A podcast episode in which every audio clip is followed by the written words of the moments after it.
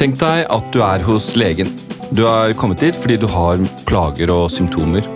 Og så tenker du at uh, uansett hvilken lege du hadde kommet til, så hadde du fått den samme hjelpen. Men i dag skal vi snakke om uh, sykdomsmodeller. Og det finnes særlig to sånne modeller. Og hvilken modell legen velger å bruke eller slutter seg til, uh, vil være veldig avgjørende for hvordan du som pasient blir møtt på. Ja, så dette handler om modeller. og Hva må vi forklare hva modeller er, da, først?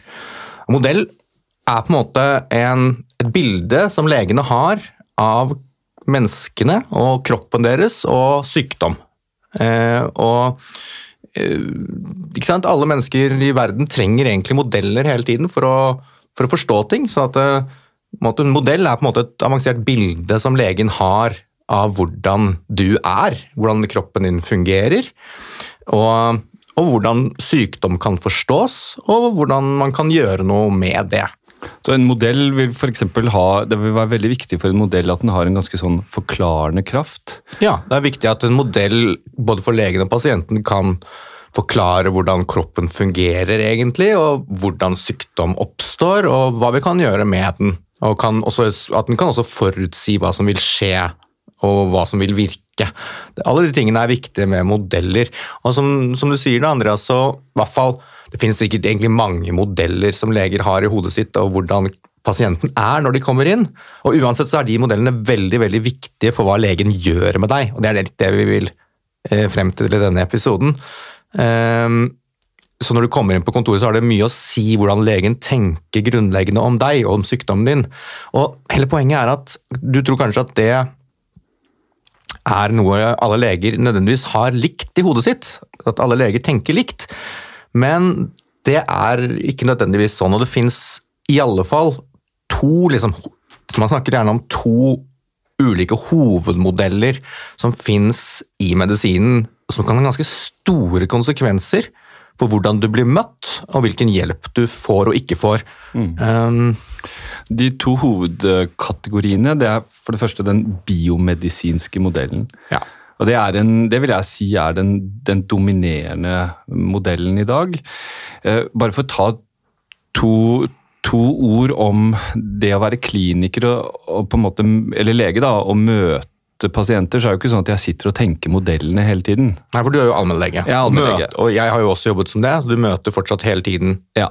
folk hver dag, flere stykker av dem, der dette egentlig har ganske mye å si, hvor, hvilken modell du bruker. Ikke sant, men det er ikke sånn at jeg sitter og tenker modell, modell, modell. Det blir Nei. veldig integrert i det uh, virket mitt, da, eller i hvordan jeg er som lege. Ja, vi blir oppdratt til å tenke på en viss måte, ja. som faller oss veldig naturlig. Ikke Noen sant? leger har mer av det ene type modell i seg enn av den andre. Ja, det, det, som jeg også tror er litt viktig i denne sammenhengen, er at pasientene også etter hvert blir trent opp i å, å være, tenke i modellene. Ja, Men Dette de, er ting som er i hele samfunnet, faktisk. Ja. Det, er, det, er, måter å tenke på kroppen og sykdom på som også medisinen har påvirket i veldig stor grad samfunnet rundt, rundt oss på. Og Den biomedisinske modellen, ja.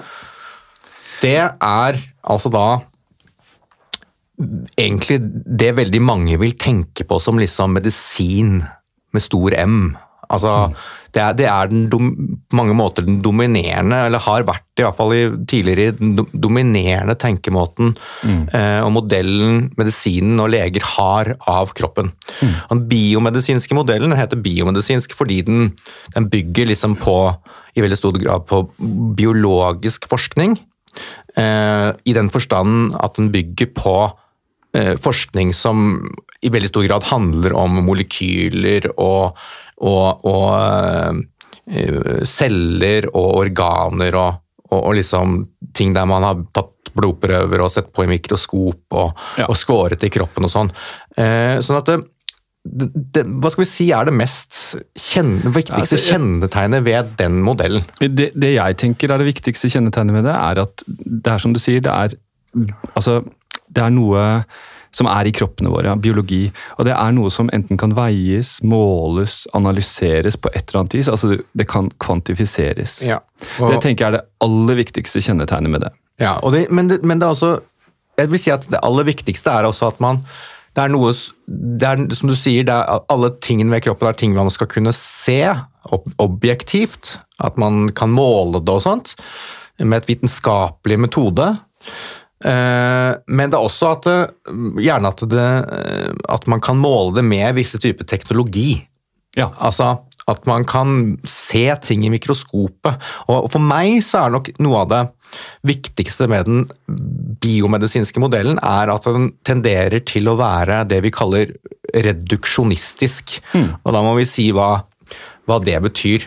Eh, reduksjonistisk for meg handler altså handler i denne forstanden om at, eh, at den biomedisinske modellen på en måte ser på hele kroppen som en ansamling av en måte, små deler i interaksjon. Molekyler og celler som, som interagerer. Og den ser på disse kroppsdelene som det som også for, forårsaker sykdom.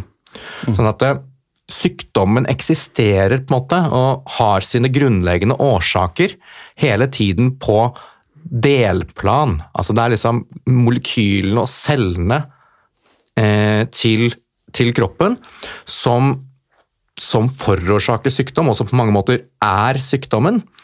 Sånn at i, den, i dette bildet av mennesket og sykdom, så blir også liksom gyldig sykdom og det som er ordentlig sykdom, reelt, liksom, det er det man kan observere i kroppen, og gjerne da i liksom kroppens deler som kan lokaliseres et eller annet sted, måles et eller annet sted i kroppen. Ja. Eh, så sykdommen er ofte liksom i, kroppen, i kroppens deler. Ikke sant? Så Du nevnte altså reduksjonisme som en veldig viktig del av det. Når, det, når vi snakker om reduksjonisme i filosofien, så er det jo ofte knyttet opp mot at et, et, en helhet, f.eks. et menneske, eller hva det måtte være, et system, da, men la oss kalle si et menneske nå for enkelhets skyld, at mennesket kan forklares ut fra disse enkeltdelene. Det er, ofte, det er ofte en sånn viktig Ja. distinksjon i, i filosofien. da. Og Det samme overføres til medisinen. Mennesket, altså Henrik Fugt eller Andreas Pale eller det måtte være en pasient foran oss, blir forklart av celler eller eh, organer eller det nivået man velger å, å måle på. da. Ja, og er på sett og vis ikke noe mer enn disse delene. Nei. De er på en måte bare summen av delene våre i interaksjon. We, we are no more og Av og til så snakker vi om, om, om uh, nothing but nothing buttery på engelsk. Altså at vi Ja. er ingenting Nothing but our måte, brain cells, eksempel. Vi er ingenting mer enn våre kroppsdeler. Så, ja, så nå har vi snakket litt, og vi kan kanskje komme tilbake til det når vi snakker om den casen vi skal snakke om. altså Den Ja. personen som kommer til legekontor og blir møtt av, av, av, av lege som har denne modellen eh, i hodet sitt, og en annen lege som har en annen modell, men da må vi først snakke om den andre modellen. Vi skal snakke om den andre modellen. Jeg bare si to ord for det. det den biomedisinske modellen har jo um, noen virkelige styrker. Ja, det må vi si. Det har jeg lyst til å si. Og det, den, har jo, den er jo dominerende av en grunn. fordi at Tenk på hjertesykdommer, tenk på kreft, øh, lunge, nyre, hva det måtte være.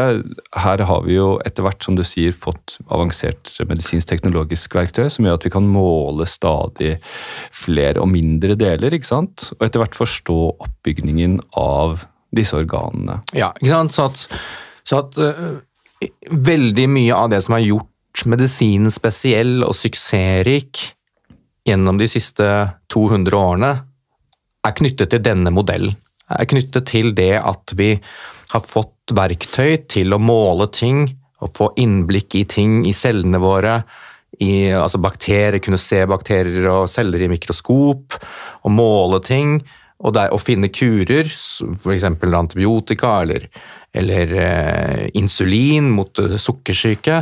Så veldig mye av det som har vært, vært kilden til prestisjen og suksessen til medisinen, er knyttet til denne modellen. og Derfor har den også i bunn og grunn veldig stor vekt og prestisje fortsatt. Og den, den er veldig suksessrik, og denne typen tankegang som denne, ligger i denne modellen, er fortsatt veldig effektiv Ikke sant? og suksessrik i å avdekke problemer.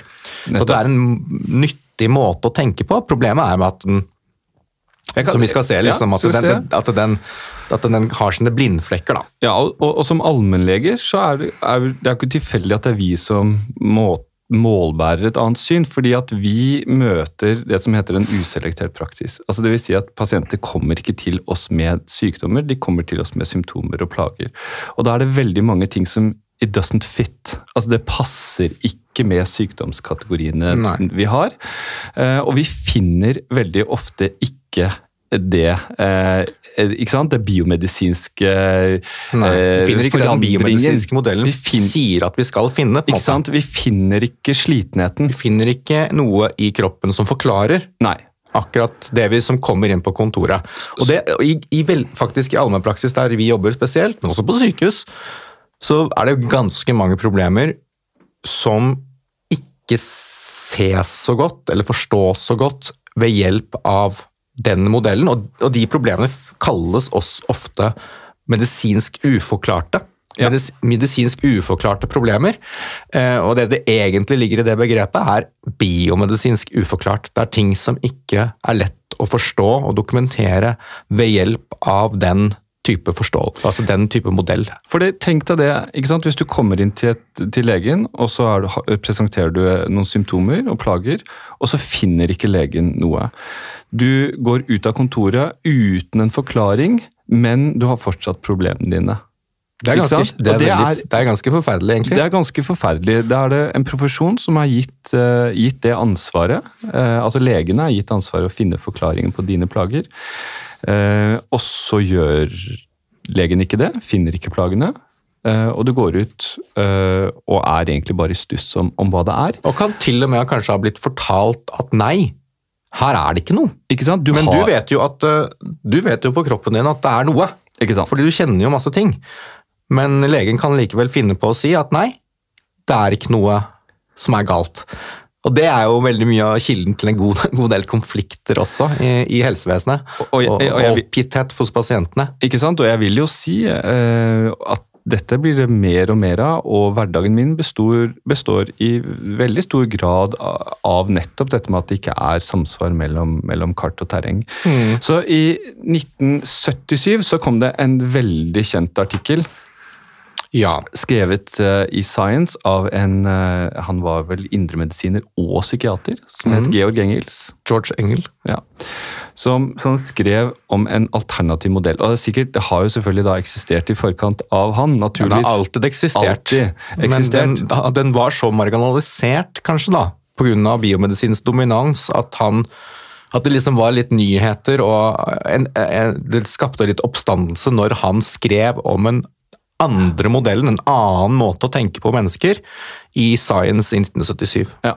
Og den modellen er jo da den biopsykososiale Han, modellen. kalte den, han som kalte den den biopsykososiale modellen, den har nok hett andre ting før. Og eh, allerede liksom rundt på begynnelsen av 1900-tallet så var det f.eks. en amerikansk lege som snakket om eh, personen i medisinen. Ja. Altså eh, George Canby Robinson, eh, som skrev en bok som het, som het eh, The Person in Medicine, eller noe sånt. Og han, eh, det handler jo om å se hele personen. Og det er det eh, i veldig stor grad eh, biopsykososial modell handler om. Det handler om en, en mer helhetlig eller holistisk syn på mennesket, uten at det, det trenger å bli holistisk i en sånn alternativ medisinsk forstand. Eh, og er en veldig seriøs og, og, og, og dokumentert måte å, å, Ja. se det på. Man kan forske på biopsykososial modell. Absolutt, og observere de tingene som ligger til grunn. Men det er en mer helhetlig måte å se på ting på, som også kanskje tar med litt bredere type kunnskap om mennesket enn liksom det helt sånn snevre, målbare, eh, teknologisk observerbare som den biomedisinske modellen ofte mer lener seg på. Da. Så den biopsykososiale modellen. Okay. Ja. Hvordan er det mennesket ses på der? Ja. Eh, vi tilbake igjen, bare recappe veldig kjapt. Vi husker at biomedisinen, da er man veldig opptatt av det målbare. ikke sant? Og det en ting som vil være helt sentralt da, er at det som ikke kan måles, ja, det går ikke inn i modellen. Slik at s vår syke eh, blir effektivt sjaltet ut av Alt som, ikke kan, alt som er ved vårt førstepersonsperspektiv spesielt, da. alt som ikke kan måles ved vår syke og atferd, eh, og våre sosiale faktorer, alt vel menneskelivet som ikke kan måles ordentlig og observeres så veldig lett, blir sjaltet ut. Ikke sant? Og det forsøker den biopsykososiale modellen å få inn, selv om den også er opptatt av, av målbare ting på atferden vår og sosiale miljøet vårt og sånn, så, er den- så er den mer liksom, liberal med å ta inn annen type kunnskap. Ja, så Da vil f.eks. kunnskap om den sosiale konteksten til pasienten være veldig viktig. Ja. Det vil være supersentralt om det er et eh, forhold som er på vei til å havarere. ikke sant? Eh, Pasientens egen egen historie. Pasientens egen historie vil være veldig veldig viktig. Mm. Kulturen pasienten lever i vil være viktig. De sosiale, politiske, økonomiske forholdene vil være viktig. Alt dette vil prege uttrykket eh, som da er symptomene eller sykdommen da, hos I pasienten. tillegg til de tingene som mest vektlegges i den biomedisinske modellen, altså molekyler, celler, organer, ting og ting du kan måle i kroppen, så de er også med i den biopsykososiale modellen, de, men de forsøkes liksom integrert med mer ved mennesket eh, på både eh, liksom, ting vi har ved atferden vår, ting vi opplever, erfaringene våre, sosiale miljø, kultur, som du sier. Mange ting, da. Og så, er det, så vil jo et annet kjennetegn så sant, Da samler du disse tre punktene. da, Biologi, psykologi og sosial. Og så vektlegger du de ulike komponentene, og så prøver du som lege å finne fram til hva er det som best forklarer, eller hvordan kan samspillet med disse forklare pasientens plager på en best mulig måte. Da ender du opp med en mye bredere forklaringsmodell. Altså det er mange flere muligheter da, til å finne, finne en forklaring. Også eh, hvis du ikke finner noe i blodprøvene. Det er jo den definitive fordelen med den modellen. Mm. Men kan- forklaringer som kanskje ikke er like målbare og like lette å verifisere med en sånn streng vitenskapelig eh, syn på hvordan sannhet kan, kan etableres. Da. Ikke sant? Sånn at eh, det liksom ofte, vil ofte være kritikken.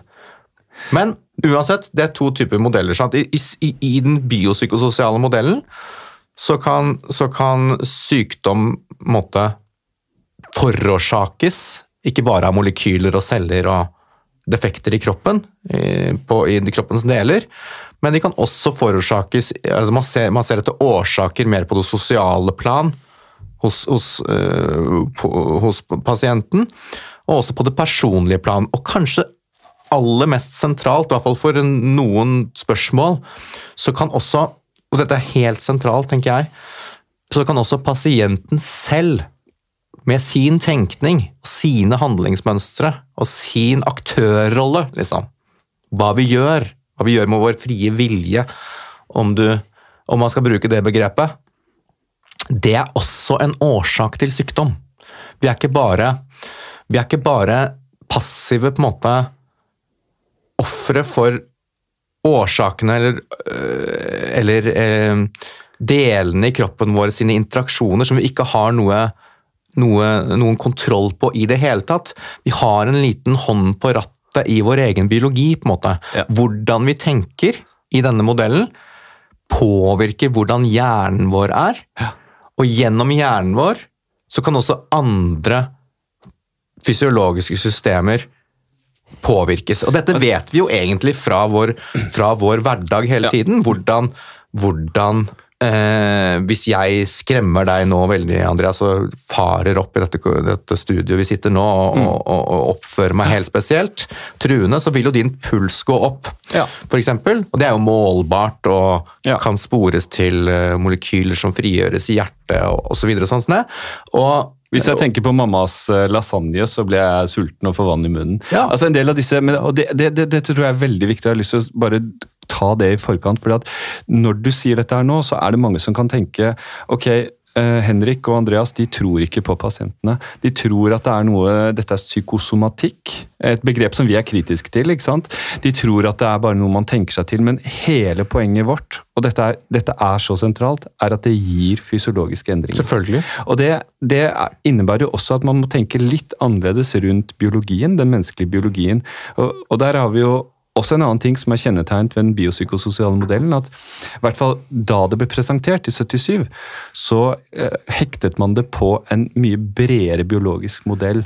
Eh, det som da kalles systemteori eller, eller systembiologi. Mm. Vi, vi, skal ikke snakke mye, veldig mye om det i dag, men det er en mer helhetlig eh, biologisk modell. Ja, systemteori er på en måte vitenskapens måte å tenke helhetlig på. Mm. Altså hvordan ulike deler interagerer og skaper en helhet som er på en måte større enn delene. Um, og det, det, blir kanskje litt mye å gå inn på nå, men, men liksom Biopsykososial modell er en vitenskapelig fundert modell som forsøker å se mer helhetlig på mennesket. Men bare for å understreke det en gang til altså Noe av det aller mest sentrale i den modellen er at måte, hvordan vi behandler hverandre som aktører, og hvordan vi selv tenker og agerer, handler aktivt gjennom i en sosial kontekst, det påvirker først hjernen vår. Altså hvis, jeg, hvis, som du sier da, hvis du nå aktivt går inn for å tenke på din mors lasagne, som jeg forstår er veldig, veldig, veldig god Hun har bodd i Italia, er kjempegod til å lage mat. Mm. Og hvis du gjør det, Andreas, så får du altså navalen i munnen. Ikke sant? Det er fra mamma, tanken på mamma og hennes lasagne, til spyttproduksjon fra, fra spyttkjertler i munnen din eh, pga. at eh, nerver har fyrt i munnen din og frigjort eh, signalstoffer, molekyler, inni, i der. Ikke sant? Så det er fra mamma i Andreas sitt hode med lasagne til molekyler at årsakssammenhengen går den veien. Det sammenligner Nei, det, det kjennetegner biopsykososial modell veldig. Vi har en hånd på rattet i egen biologi. Hva vi gjør, hvordan vi tenker, hvordan vi samhandler med hverandre. Det påvirker molekylene våre, for å si det på den måten. Og ikke bare andre veien. Det er ikke bare molekylene som påvirker oss. Nei, ikke sant. Det, og det, det vil være bryte med ganske mye annen type biologisk tenkning, hvor man tenker at det som måte kommer først, er DNA, som lager et protein, som gjør noe med kroppen osv. Det bare går som en sånn eh, type maskin, ikke sant? eller hva, hva, er det typiske begrepet? Blueprint? En eller annen sånn type kokebokoppskrift som bare mm. maler ut noe, mm. og hvor man egentlig ikke har noe, har noe, styring. Så det vil være også en kjempeviktig, som du sier, veldig, veldig stor forskjell mellom de to modellene. Ja, og bare For å summere opp disse to modellene, så kan vi kanskje si det på en annen måte, som kanskje summerer det opp helt, da, er at man gjerne tenker på den biopsykososiale modellen. Der ser mennesket ut som en hel levende, aktiv organisme, på en måte, der, der, der eh, delene Nei, der helheten er noe mer enn delene i interaksjon. Der liksom ikke alt kan fikses på delplan. Mens i den biomedisinske modellen så er, blir gjerne mennesket sett på som en maskin. Så maskinmetaforen for mennesket er, et kjennetegn ved den biomedisinske modellen og tankegangen. Og gjerne i dag at vi liksom er litt som en computer, f.eks. At at Før i tiden så kunne det være at mennesket er som et, eh, en dampmaskin. Ettersom den, denne metaforen har endret seg litt med teknologien gjennom, gjennom, gjennom årene. Men at vi, at, vi, at vi, har vært som en, som en avansert bil, eller, eller, i dag en veldig avansert computer.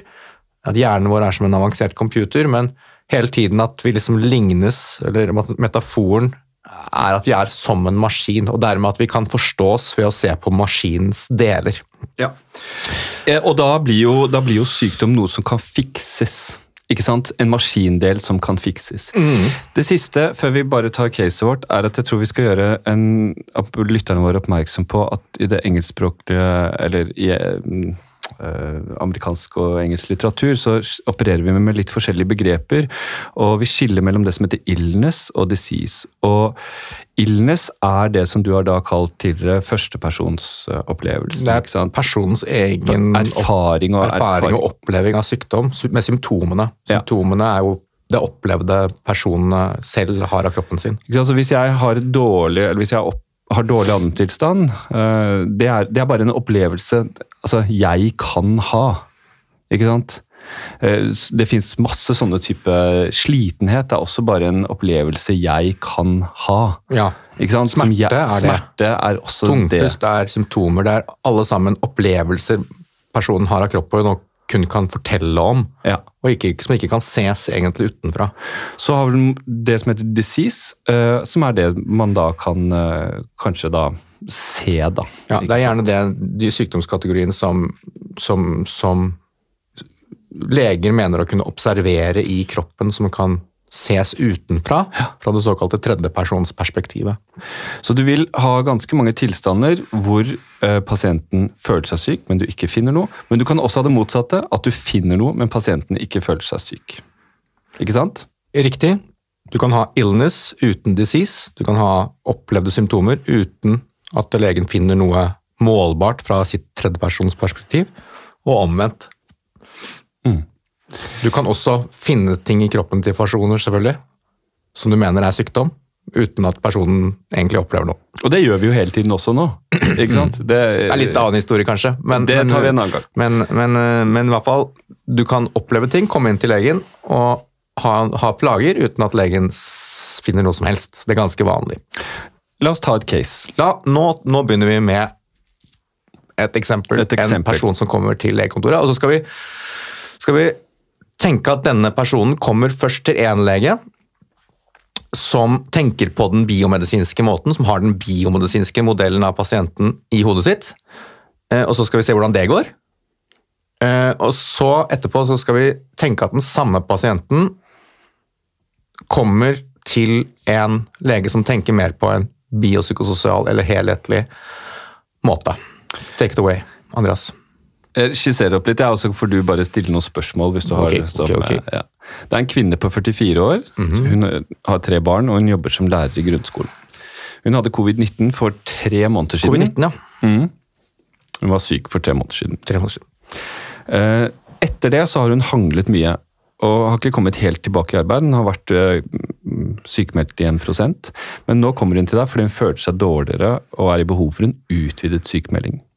Hun lurer også veldig på hva dette er for noe. Dette er symptomene hennes. Hun har hodepine, hun har tungpustet under aktivitet, feberfølelse, konsentrasjon og oppmerksomhetsvansker. Og av de symptomene så er det særlig da problemene med konsentrasjon som, som plager henne, og som gjør at hun ikke kan jobbe. Det hun sier er eh, jeg har så dårlig konsentrasjon, jeg er redd for å si noe feil til elevene. Jeg tror det kommer til å bli klager, det er ikke forsvarlig at jeg er på jobb. Mm. Så de, de, egentlig så er de symptomene og de, den funksjonsnedsettelsen hun opplever, er ganske truende for hennes situasjon som lærer, da, hennes funksjon som lærer og selvbilde som lærer. Mm. Mm. Dette vet du om henne. Den sosiale situasjonen er at hun har tre barn, hun er gift. De siste kontaktene Hun har vært en del på kontoret de siste årene. Det er særlig da knyttet til egentlig stress øh, i forbindelse med ja, et dårlig ekteskap. som kanskje er på vei til å havarere. Du vet også at hun er mangeårig idrettsutøver. Hun er vant med å gå mye fjellturer. Søvnen er dårlig nå, og hun føler seg aldri uthvilt. Hun har hyppig vannlatning, og hun lurer på faktisk om hun har en urinveisinfeksjon. I tillegg så har hun en del rumling i magen. Hun tar ikke medisiner, med unntak av litt hodepinetabletter.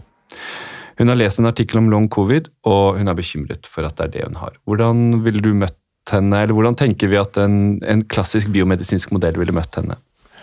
Ok, nå kommer hun på, la oss si, en, eh, hun har blitt henvist fra Dr. Drop-In til eh, en, eh, en privatpraktiserende indremedisiner som, eh, som hun har eh, lest om på, fått høre om på et eh, Facebook-forum som driver med long covid. Og den indremedisineren som driver den privatpraktiserende klinikken, han, han har et, et, en såkalt biomedisinsk modell, eller forståelse i hodet sitt, og i hvordan han praktiserer medisin. Og nå skal vi prøve å tenke hvordan er det det da fortoner seg. Hva er det Altså, han, han hører da på ta, Skaffer seg disse opplysningene som, som hun øh, kommer med. Ja. Som du har beskrevet nå, Andreas.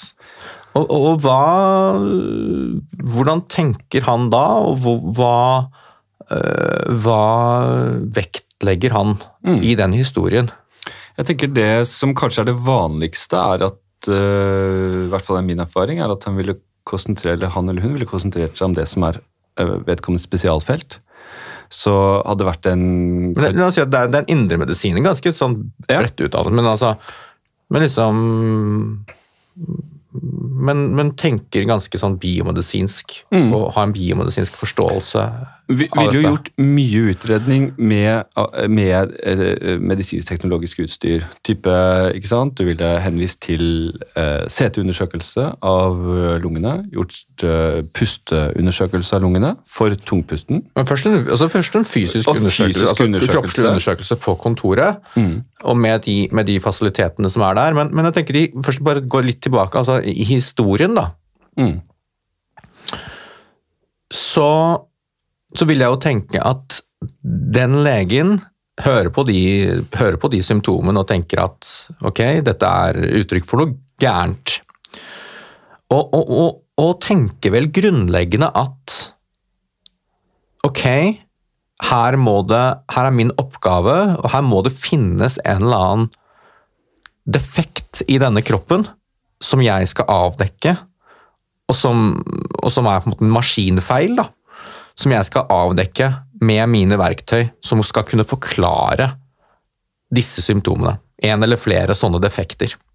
Er ikke det liksom litt den grunnleggende tankegangen som ligger bak? Jo, det er nok det. Og så tenker jeg jo at, uh, at det ofte vil være at når, når det først er på bordet til den type spesialister, så vil man utelukke øh, alle mulige øh, sånne defekter, da, som du sier. Ja, altså, noe av ut, Oppgaven er i hvert fall å utelukke Ja. å finne, ja, eller finne og utelukke Finne sånne, og sånne, utelukke den type defekter. sånne, ja, den type defekter som da oppfattes som reell sykdom, eller de som, som man i den tankegangen vil, vil oppfatte som den reelle eller, eller gyldige eller viktige tingene å, å finne og forstå.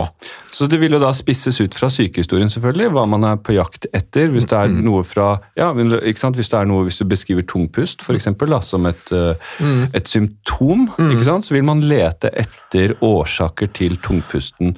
Lytte på, uh, bruke stetoskop og, og den type ting, og så ta en del blodprøver som kanskje kan si noe om hjertefunksjon og, og sånn. Og så vil man da gå videre med radiologiske undersøkelse, f.eks. CT-undersøkelse, men også kunne gjøre EKG og den type ting. Men her, noe av det som kjennetegner denne pasienten her, Mm. som kommer inn her For det første så er det jo en, en infeksjon vedkommende har hatt. Mm. Så jeg tenker at denne, denne legen vil ha en tendens til å tenke at det har noe med infeksjonen og viruset å gjøre, grunnleggende. Det er én ting. Men den andre tingen er at denne pasienten kom jo med ganske mange symptomer. Fra, fra mange organsystemer. Eh, hvor mange, egentlig? Altså- fryktelig mange, og Det er derfor jeg mente egentlig innledningsvis at, Tungpust, Det- det er lungene. ja, men det er derfor jeg mente innledningsvis at, at mest sannsynlig vil du komme til en spesialist i et, i et spesielt Ja, det kan ende opp, Denne personen kan sannsynligvis henvise til noen som er enda mer spesialisert på et eller annet. Jeg tenker at det er det typiske forløpet her. da? Du kommer til en, la oss si en lungelege. da? Mhm. Så tar lungelegen tar det lungelegen er trent opp Ja. og er spesialist i, som er lungene. Ja, Tungpust Tungpust. og Utred- hoste og Ja. sånne ting. da. ikke sant? Så utreder i henhold til det lungelegen s- kjenner til der. Mm. Og det, det vil typisk være pusteundersøkelser, øh, lungefunksjonstester, røntgenbilder, CT-bilder, den type ting. Mm. ikke sant? Eh, kanskje til og med en sånn bronkoskopi hvor man går ned og titter i, i luftveiene med et skop. Ja. Og så kan- kan man eller kan man ikke finne noe. Mm. Uh, man kan finne noe man kanskje tror er årsaken, men som kan være bare støy. altså Bare noe som er et bifunn. Mm. Men man også, kan også bare ikke finne noen ting. Og pasienten kan gå fra eh, denne legen som, først, eh, som, som hun først kommer til, eh, som kanskje gjør mange undersøkelser av blodprøver og sånn for å finne noe i de ulike organsystemene, tar urinprøve og, og undersøker om det kan være urinveisinfeksjon. og og gjør, gjør ulike undersøkelser, hvite blodlegemer, infeksjonsprøver, alt mulig, for å avdekke en eller annen sånn delfeil. Finner sannsynligvis ikke noe, eller i denne sammenhengen her så tenker vi at vedkommende ikke finner noe. Legen ikke finner noe.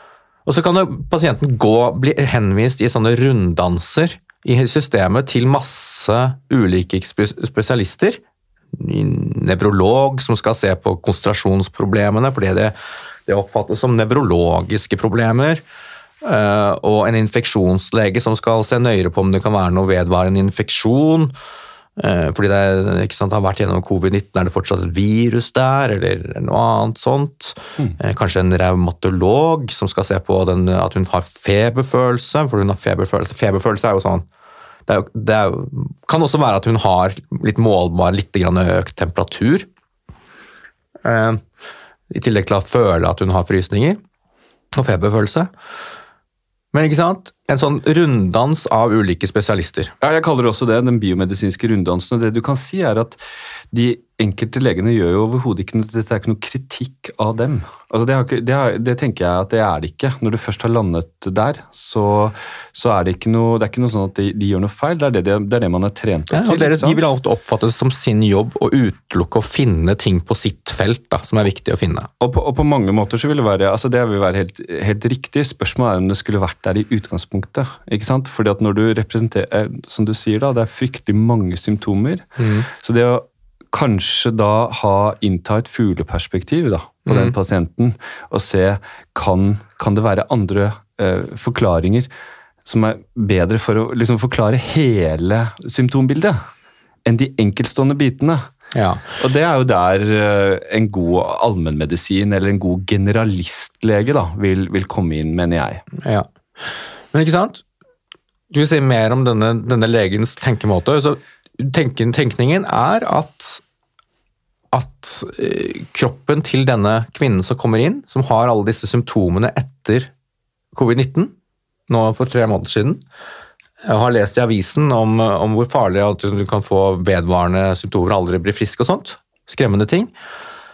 Eh, tenker grunnleggende at problemet må finnes et eller annet sted i kroppens deler. Leter etter de problemene med ymse teknologier og prøver som både han selv kan, kan eh, rekvirere og henvise til.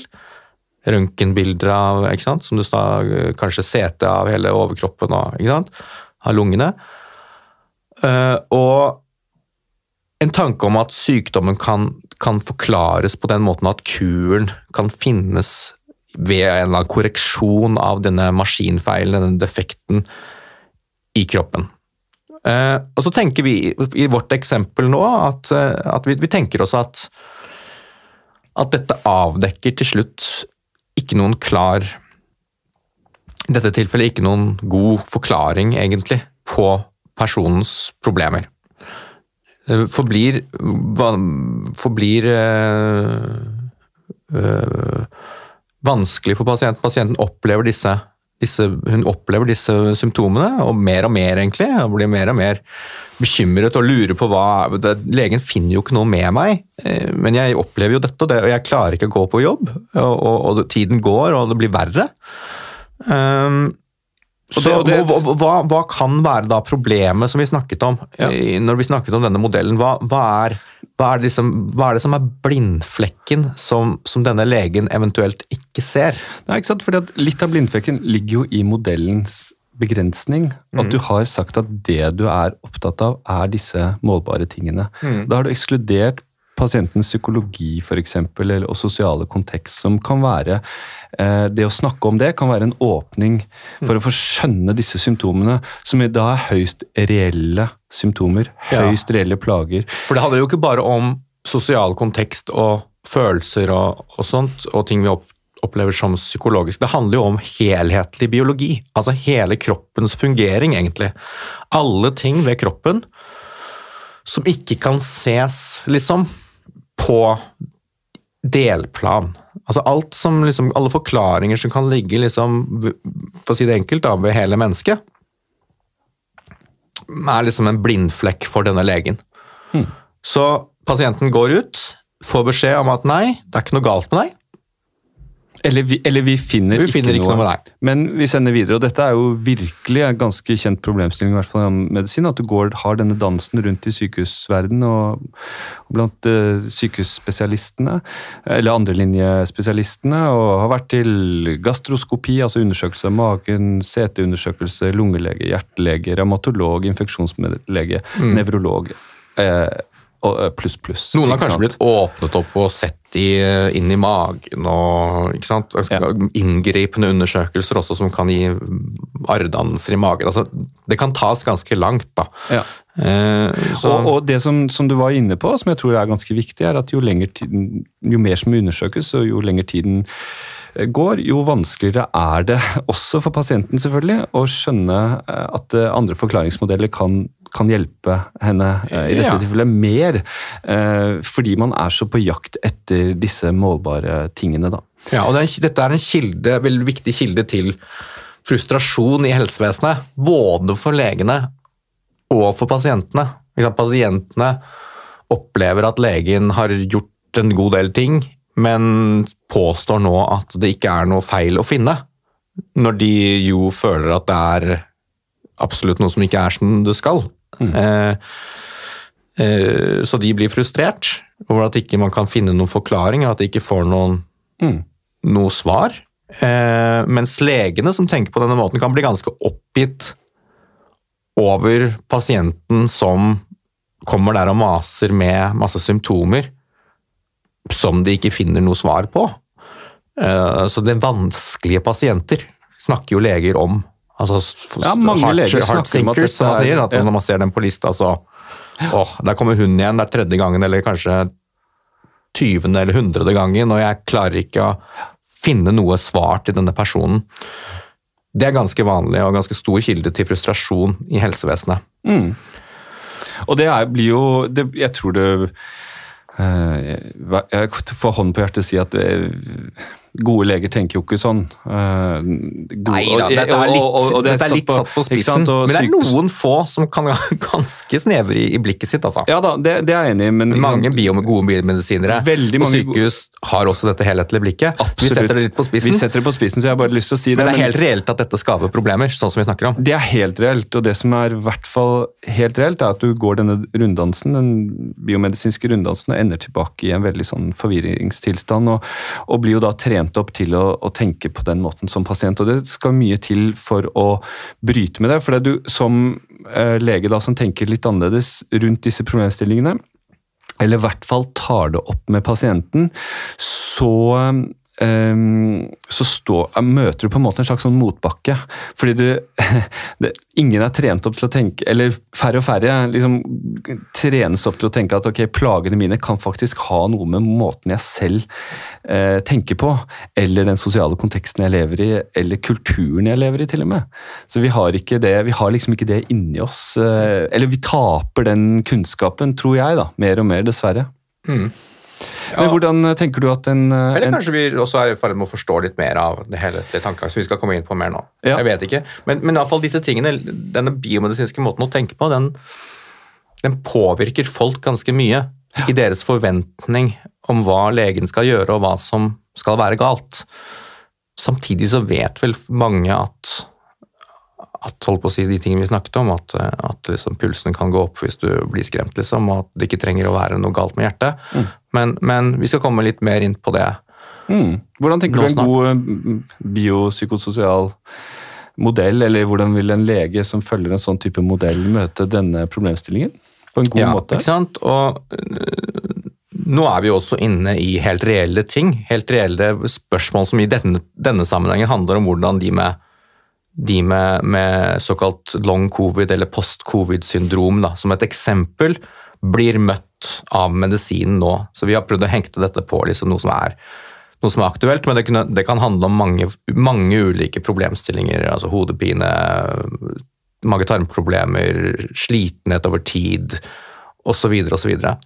Men, men, men det, dette er jo noe som nå er veldig mye i mediene om dagen, og, og vi har jo da også skrevet om hvordan vi tenker en mer he, et mer helhetlig kunnskapssyn, som vi snakket om eh, da vi skrev i Dagens Medisin om dette, er viktig for å forstå f.eks. For denne typen, denne typen uh, pasienter som kommer med, med langvarige symptomer etter en infeksjon. Um, nei, hvordan, hvordan, vil en sånn lege som har et sånt mer biopsykososialt helhetlig blikk på pasienten, en mer helhetlig modell, tenke? Og Som vi, vi snakket om i stad, så, så, er det jo grunnleggende så, så, vil jo denne legen også være, være villig til å synes det er viktig å se på kroppens deler. For å si det først, da. Sånn at denne, denne legen vil også forsøke å utelukke og, og, ta undersøkelser, gjøre ulike fysiske undersøkelser og, og, og tester og røntgenbilder osv. Eh, liksom uh, så mye som den legen syns er nødvendig og riktig. Så også interessert i den type øh, årsaker og, utelukke og finne det. Det er jo viktig å si først. Det er ikke ja. noe sånn at den personen er uinteressert Absolutt ikke. I, i det, og Nei. ikke ser verdien i det. Så det, det, er, det er, med, sant? Mm. Um, så må man jo tenke at den personen heller ikke finner så mye med det, men, men allerede i, i når, når, personen snakker med pasienten, når, når hun kommer inn første gang, så tenker jeg at denne legen vil være mer interessert i de tingene som pasienten sier om livet hennes. Kan ikke du, kan ikke du gjenta litt det? Hva, hva, var det det Ja, altså hun, har, hun er jo da lærer, øh, jobber på grunnskolen. Hun har tre barn. Mm. Uh, Hun har en mann. Um, og hun har vært hos deg da, som allmennlege uh, flere ganger det siste året fordi det har vært problemer i ekteskapet. Ja, hva, hva, tenker vi om det problemer i ekteskapet? Har det noen har det noen relevans, liksom? Biologisk og sånt? Ja, altså jeg, vi tenker jo det. Du at, tenker det når folk kommer på ditt allmennlegekontor, at det er noe viktig for å forstå kroppen til folk? Ja, jeg tenker det er veldig viktig. Det er veldig viktig hvordan øh, øh, man prater sammen i et forhold. Hvordan øh, gode sosiale interaksjoner eller gode sosiale relasjoner kan føre til god helse, og hvordan dårlige sosiale relasjoner kan føre til dårlig helse. Mm. Og det handler jo om hvordan vi opplever verden. Ikke mm. Opplever vi verden sånn jeg tenker, da, i hvert fall i mitt hode, opplever vi den som stressende? Mm. Opplever vi den som farefull? At det er Overlast, altså overveldende. At man er under hælen, aldri får helt hodet over vannet, type situasjoner. Ja. Så, hele tiden er liksom litt marginal, da. Ikke sant? Du, tiden, du ligger litt bakpå hele tiden. Mm. Eh, det snakkes negativt. Det snakkes f.eks. veldig mye om sykdom i en familie. Mm. Det fokuseres mye på dysfunksjon, det fokuseres mye på symptomer, plager osv. Så, videre. mm. så tror jeg det vil, eller jeg vet da, at ja, ja. det vil prege mennesket i veldig stor grad. Og det vil prege også symptombildet. Ja, og, og godt vitenskapelig dokumentert. Altså sosiale sammenhenger, tenkning handling, hvor personen er, eh, hvor stressa personen er, påvirker hele organismen, også immunforsvaret f.eks., til, til, til pasienten. Og, og, og, også kan også gi faktisk feber. Altså, sånne, sånne, sånne for et, et, sentralt begrep her er jo stress. Ikke sant? Som er, stress er jo da vi skal sikkert snakke mer om i, i kommende episode, men, men, men, men, er jo et ord for en sånn helkroppslig aktivering, som ikke er en sykdom, liksom, men det er jo en veldig biologisk tilstand. Så denne, denne, damen her, hun har jo allerede før hun fikk covid, ting i livet sitt som gjør at jeg tenker at hun er ganske marginal. Mm. Og allerede vært litt og fått litt sånn sykemeldinger og sånn. Ikke mm. har ikke liksom har ikke uh, hodet over vannet, uten å nødvendigvis være liksom deprimert på noen sånn klassisk måte, liksom, men liksom sover dårlig og, og liksom uh, opplever å liksom være være under hælen, da. Mm. Og så og så kommer covid-19, liksom. som er en viktig opplysning her. Og, og, at, ja, for, for å gå litt tilbake, vi har, vi har, vi har flere opplysninger om henne mm. som, som, liksom, som, sier noe om at hun var, har, hele, har over tid vært, vært sårbar, da, eller vært Allerede har på en måte en, en, kanskje en fysiologi som er litt ja. Ikke gått i stykker, men, men mer, altså, akkurat som et skip ikke trenger å gå i stykker i en storm, så kan det knake ganske mye sammenføyning, da, for å si det på den måten. Ikke sant? Vi har jo noen clues hele veien, og hun føler seg f.eks. aldri uthvilt. Og det er jo sånn at selv om du da føler deg egentlig sånn grunnleggende sliten, så er det egentlig det motsatte som Altså du er egentlig veldig stressaktivert, da, som vi ville tenkt i vår modell. Ja, du, kjører på en måte i første gir. Og det, du si det at hvis du holder på, bare for å bruke liksom bilmetaforen litt, da, Mm. hvis du har klampen i bånn i første gir til Trondheim, liksom, så, Mm. Så er det noe som ødelegges. Ikke sant? Over tid kan Over tid. ødelegges Og så er det fordel, altså, som jeg alltid sier, og dette er jo det siste kanskje vi rekker å si i dag, er at eh, det, det er veldig viktig med ordene man bruker, fordi at mennesket er ikke en bil, mennesket er et biologisk system. Og det kan reverseres. ikke sant? Dette kan snus. Ja, nei, så, så øh, denne damen er, er marginal fra før, og så kommer covid-19. Og da får jo hun en skikkelig smell. Fysiologisk, en ekstra stor belastning. Altså alle stressystemene i kroppen, også da liksom stressystemene, immunforsvaret, eh, hjernen, alle, alle, alle liksom systemene i kroppen som, som takler ulike utfordringer, blir jo da også aktivert. Så det er en stor belastning å få covid-19. Men så er det også andre ting som er en belastning med covid-19. Og det er jo hele den sosiale konteksten med mediene, f.eks., som hele tiden fokuserer på hvor farlig dette er.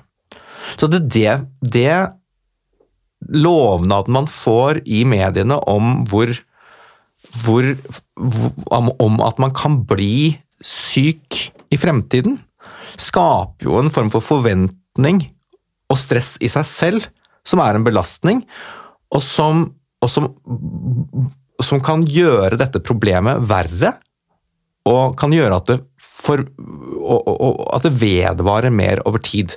Ja. Sånn at, sånn at, sånn at man, I liksom den biopsykososiale modellen og denne måten å forstå mennesker på, sånn rent biologisk, så spiller jo hjernen hjernefysiologi, hvordan hjernen styrer resten av kroppen i på en måte en sosial og miljømessig kontekst, en veldig stor rolle.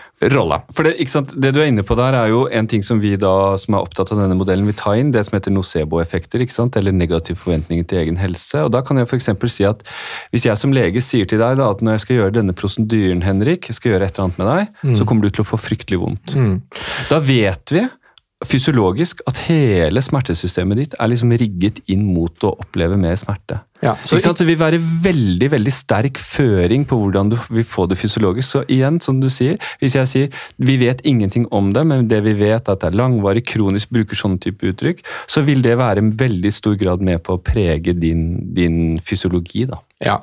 Så at det er to ting måte hjernen gjør hele tiden. Det ene er å fortolke verden og også signaler fra kroppen. Og, fortolke hele tiden om det, om det er viktig eller farlig, f.eks. Den andre tingen er at hjernen styrer alle organer. Sånn at hvilk, hvilken mening, for å si det på den måten, hjernen, eller vi da, tillegger et symptom, f.eks. tungpust, har noe å si for hvor sterkt hvor plagsomt vi opplever det symptomet. F.eks. et symptom som tungpust. Det er veldig stor forskjell på om man tror at det er Det har blitt fortalt at det er pga. skade på lungene, og hvis at man blir fortalt at det er pga. en forbigående belastning du har i kroppen, eller litt slag som ligger igjen der, eller til og med at liksom, dette er bare noe hjernen din faktisk tolker som noe farlig, og derfor kan, kan skru opp et symptom selv om, selv om det ikke er noen defekt egentlig der i lungene. Det, det, det, det skjer jo hele tiden. Altså, man kan oppleve smerter, f.eks. i en rygg, lenge etter at skaden har vært der, og uten at liksom, det er noen måte, brudd der lenger, så kan, skaden, så kan hjernen fortsatt gi en følelse av smerte, selv om defekten som kan observeres, på en måte er borte. Så det er ikke nødvendigvis noe samsvar mellom det, Ofte er det det, men ikke alltid, og spesielt ikke når problemene blir kroniske. Noe samsvar mellom symptomene og hvor farlig, at det er en farlig defekt i kroppen. Så den andre tingen hjernen da gjør, er å styre alle, alle eh, organsystemene i kroppen. Så det er hjernen som styrer hvor fort hjertet går, gir hjertebank. Det er hjernen som, som styrer lungefysiologi. Blæra, som denne damen hadde jo litt sånn hyppig vannlating og, og trodde hun hadde urininvestigasjon, men, men stress og hjernen styrer også urinveiene og tarmene. Ikke ett organsystem i kroppen som hjernen ikke styrer. Sånn at denne belastningen, denne sånn overbelastning, en stresstilstand som kanskje vedvarer over tid, den kan Er du ikke enig i at denne legen som, som hun nå kommer til, kan, når han eller hun ikke har funnet noe annet som liksom helt klart forklarer dette, utelukket eh, en del farlige ting og sånn, kan tenke at nei, totalen av disse symptomene hun kommer med, altså inkludert inkludert hjernetåken eller konsentrasjonsproblemer som hun er så bekymret for, kan, kan forklares av en sånn vedvarende stressituasjon. Eh, som ikke er noe farlig, som trenger å, å, å, å, få lagt seg, og som man kanskje kan få hjelp til å håndtere, men som ikke er noen uttrykk for noe sånn at noe har gått i stykker i hjernen. At det er en hjerneskade, liksom, som jo er en helt forferdelig tanke. Jeg tror det er veldig viktig å som lege etter hvert, og når dette kommer på bordet og du har gjort de nødvendige undersøkelsene og utelukket, ikke sant? altså fulgt en slags biomedisinsk modell, men den vil også være en del av en biopsykososial modell. Du gjør det du kan, ikke sant? Det du finner nødvendig. Men det å da si det, og faktisk da, for å være helt ærlig, tørre å si det, og lufte disse andre forklaringsmodellene, eh, vil være for veldig mange god hjelp. Ja. Fordi at du trygger du, du, gir en forklaring ikke sant, som er plausibel og som er dokumentert. Ja, Vitenskapelig forklaring av hvordan dette kan henge sammen. Som, som, gir på en måte veldig mange, tenker jeg, en tilfredsstillelse sånn rent forklaringsmessig som de kan slå seg til ro med eh, og, og, gå videre med. Eh, og finne, finne, finne, da strategier ut fra. Eh, og det er en veldig stor forskjell her i at liksom, disse problemene kan gjøres forståelig gjennom en sånn helhetlig modell der man ser på stress osv. At personen kan gå ut derfra med en forklaring, og det at personen går ut derfra med beskjed om at vi finner ingenting, og vi vet ikke hva dette er. Det er to helt forskjellige situasjoner. Eh, der den ene virkelig ikke er noe mer vitenskapelig, tenker jeg, enn den andre. Og, og, begge deler, som på en måte vitenskapelige modeller, må kunne bli kritisert og studert, og sånn, men det er viktig å ikke bli dogmatisk i den ene eller andre leiren. ikke sant? Så det, det, det, det tror jeg er viktig. Jeg, jeg, står fast og jeg tenker at dette er en veldig konstruktiv og god modell for hvert fall for allmedisin og, og, og, stor hjelp. Det jeg lurer av og til litt på, er jo om det er nødvendig å gå igjennom veldig mye ut utrednings Om det på en måte blir en slags forventning i kulturen vår. da. Det er det jeg mener med at du vokser inn i en du vokser inn i en forventning, du vokser inn i en kultur som kanskje sier at det er dette vi leter etter. Vi ser jo f.eks. på legevakten da, eh, at eh, veldig mange kommer med barna sine for å ta CRP. Mm. Ikke sant? Som er en, en, en, en prøve, test for betennelse. Test for betennelse, egentlig. De blir mindre opptatt av den medisinske undersøkelsen og samtalen enn av den testen. De tenker, men de kommer jo for å få ro, fred i sjelen. Ja. Og, og denne, typen, denne, typen, modell vi har snakket om nå, kan jo også gi liksom litt den, den, den typen eh, tilfredsstillelse og ro, en forklaring god nok da, til å mm. kunne slå seg til ro i mange sammenhenger. Og det, og det er ekstremt viktig, viktig for folk. Um, sånn at jeg, jeg, tenker at dette er veldig viktig for å håndtere mange helseproblemer i store deler av det som gir uføretrygd, f.eks. Store deler av det som dukker opp på, på spesielt allmennlegekontor, men også på sykehus. Og vi er ikke gode nok til det i kulturen vår eller i medisinen ennå til å tenke sånn. Eh, og det er viktig at forskningen også har en sånn har en sånn tankegang, en helhetlig tankegang med seg når man designer forskning, f.eks. For nå eh, i forbindelse med covid-19.